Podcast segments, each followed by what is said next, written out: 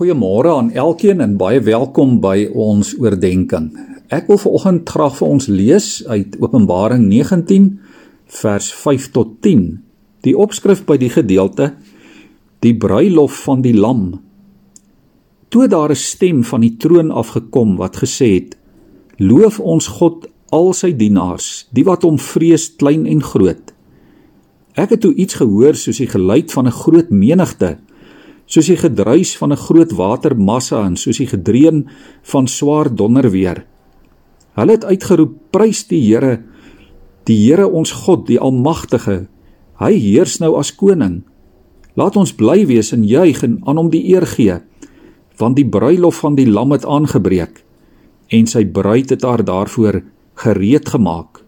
God het haar dit vergun om fyn, helder, blink klere aan te trek Hierdie fyn klere is die regverdige dade van die gelowiges. Toe sê die engel vir my: Skryf op: Geseënd is hulle wat na die bruilofsmaal van die lam uitgenooi is. Verder sê hy vir my: Dit is die woorde van God en hulle is waar. Toe het ek voor sy voete op my knieë neergeval om hom te aanbid. Liewe vriende, die Bybel doen eintlik baie moeite om ons te help om te verstaan wie en wat die kerk is en hoe die kerk ook moet funksioneer in hierdie wêreld waarvan ons deel is. En daarom kry ons in die Bybel byvoorbeeld 'n hele aantal beelde of beskrywings van die kerk.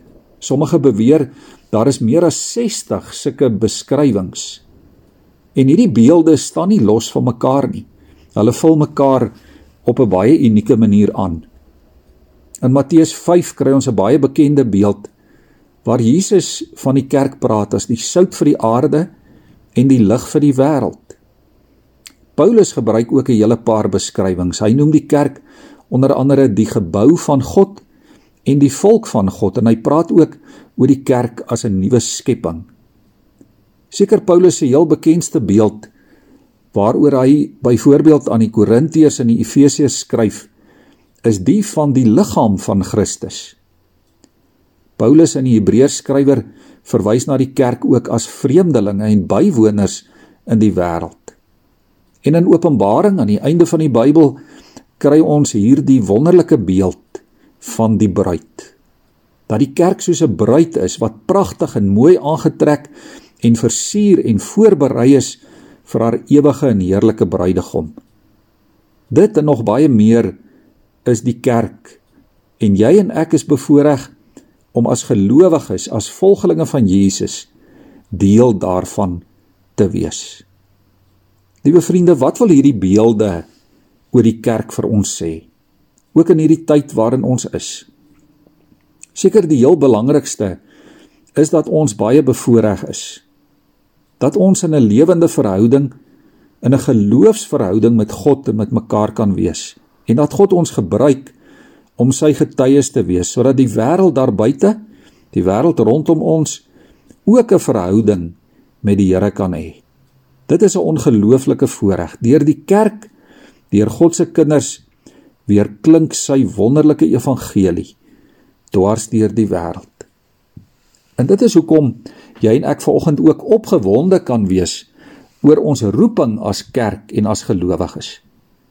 Die Here roep en stuur ons om evangelie van verzoening met die wêreld te deel.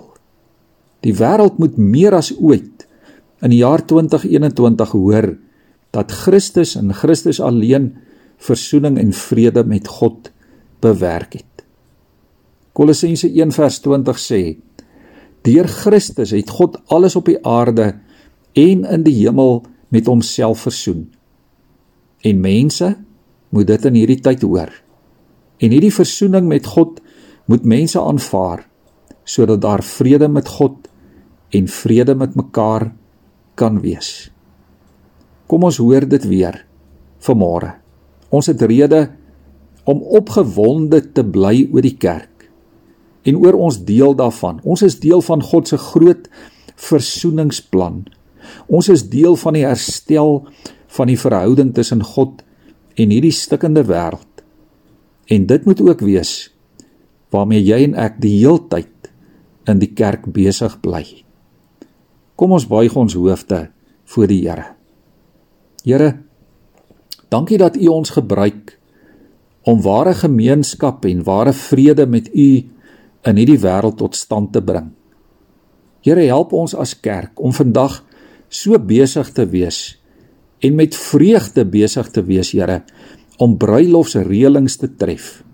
Omdat ons uitsien na die koms van die bruidegom.